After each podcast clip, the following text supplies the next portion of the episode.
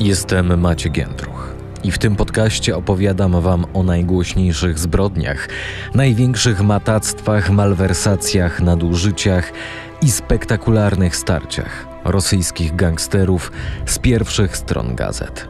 To historie, które często mrożą krew w żyłach. Morderstwa, zamachy, rabunki.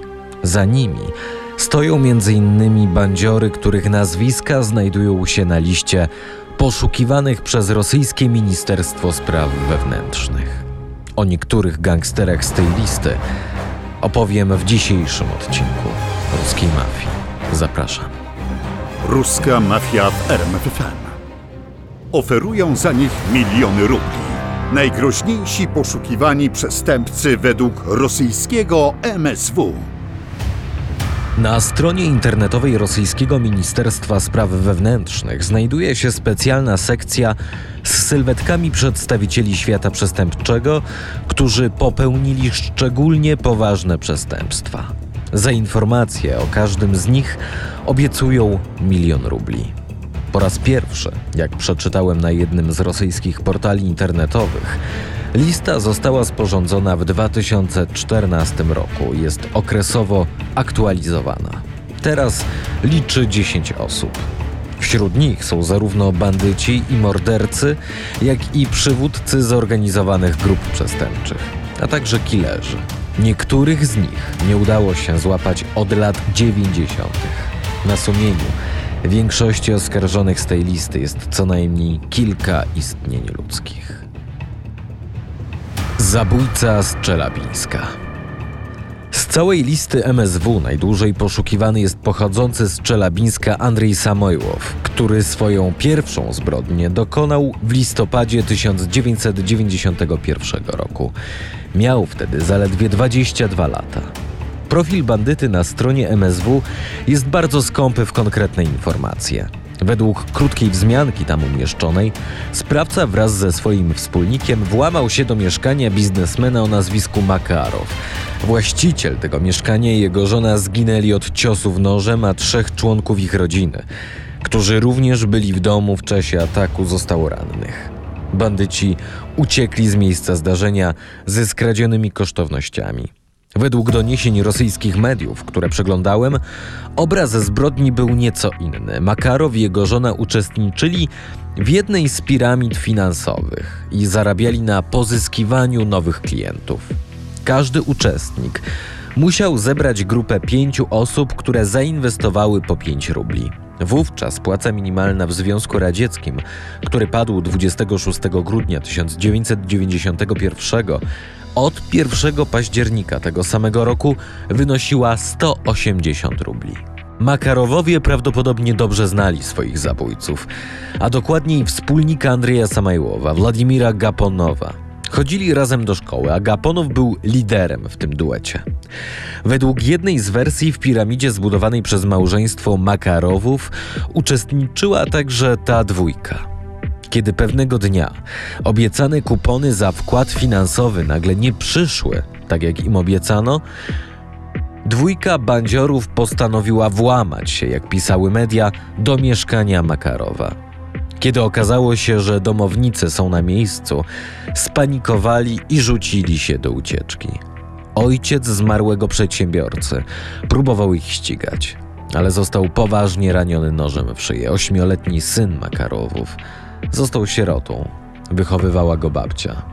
Po masakrze w mieszkaniu przy ulicy Gagarina w Czelabińsku zabójcy opuścili to miasto. Później okazało się, że morderstwami zaczęli zajmować się zawodowo.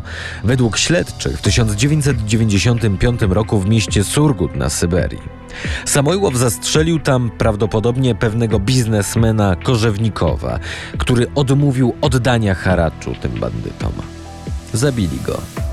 Trzy lata później policji udało się odnaleźć kryjówkę przestępców. Gaponow został zatrzymany. Otrzymał 19 lat więzienia, a jego przyjacielowi Samajłowowi ponownie udało się uciec. To był ostatni raz, kiedy organy ścigania były tak bliskie schwytania zabójcy z Czelabińska.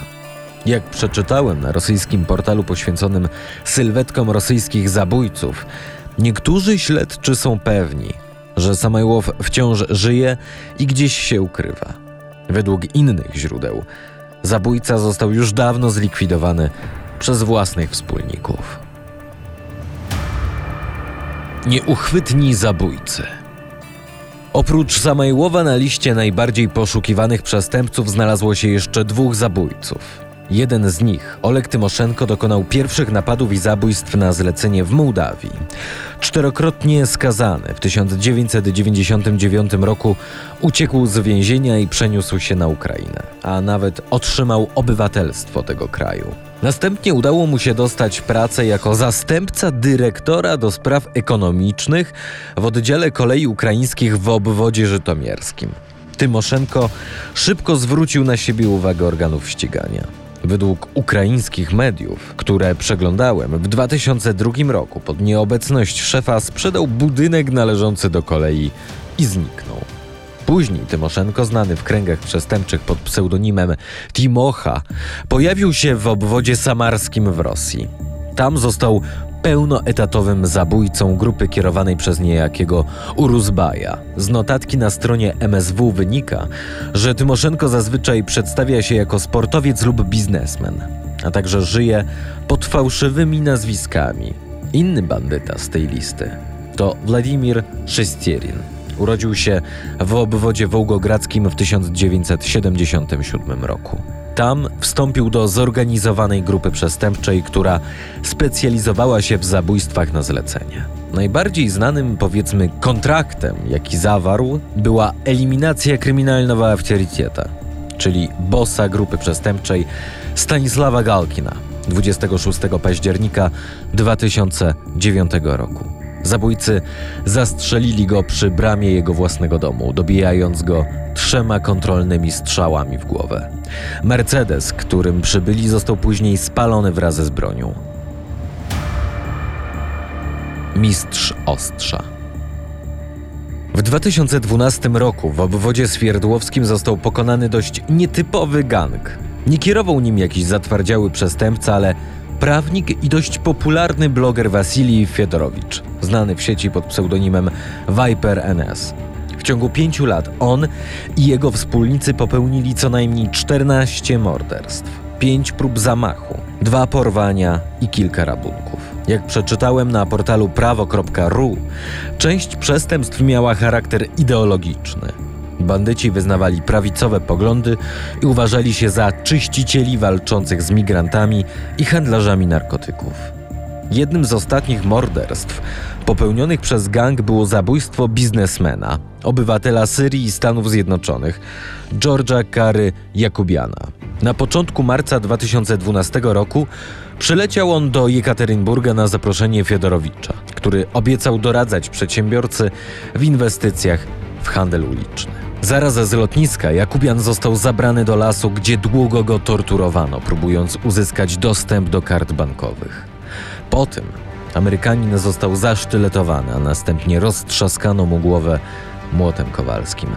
31 marca tego samego roku w centrum Jekaterynburga bandyci porwali studenta, Jegora Polańskiego. Jego też torturowali, żądając pieniędzy. Następnie zakładnika wywieziono poza miasto, gdzie podcięto mu szyję, po czym strzelono mu z pistoletu w tył głowy. Zwłoki Polańskiego oblano benzyną i podpalono. W ciągu kilku miesięcy prawie wszyscy członkowie gangu zostali zatrzymani. Policja znalazła trop, śledząc transakcje z kradzionymi kartami bankowymi Jakubiana. W czerwcu 2015 roku przestępcy otrzymali wyroki od 6 lat do dożywocia. Ich przywódca, Fiodorowicz, został skazany na 22 lata. Jedynym, któremu udało się uniknąć kary, był Siemion Jermoliński, zwany Henry przyjaciel Fiodorowicza z Petersburga. Według śledztwa brał udział co najmniej w zabójstwie Polańskiego. Po zatrzymaniu członków gangu, Jermoliński zdał sobie sprawę, że wkrótce i on zostanie złapany i wyjechał prawdopodobnie do Algierii. Dalszy los podejrzanego nie jest znany, ale według niektórych jego znajomych w 2014 roku wstąpił w szeregi separatystów na południowym wschodzie Ukrainy.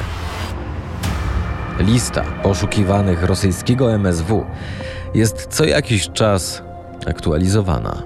W następnym odcinku. Zawarcie porozumienia między częścią elity politycznej i głównymi organizacjami o charakterze przestępczym bywa w interesie obu stron.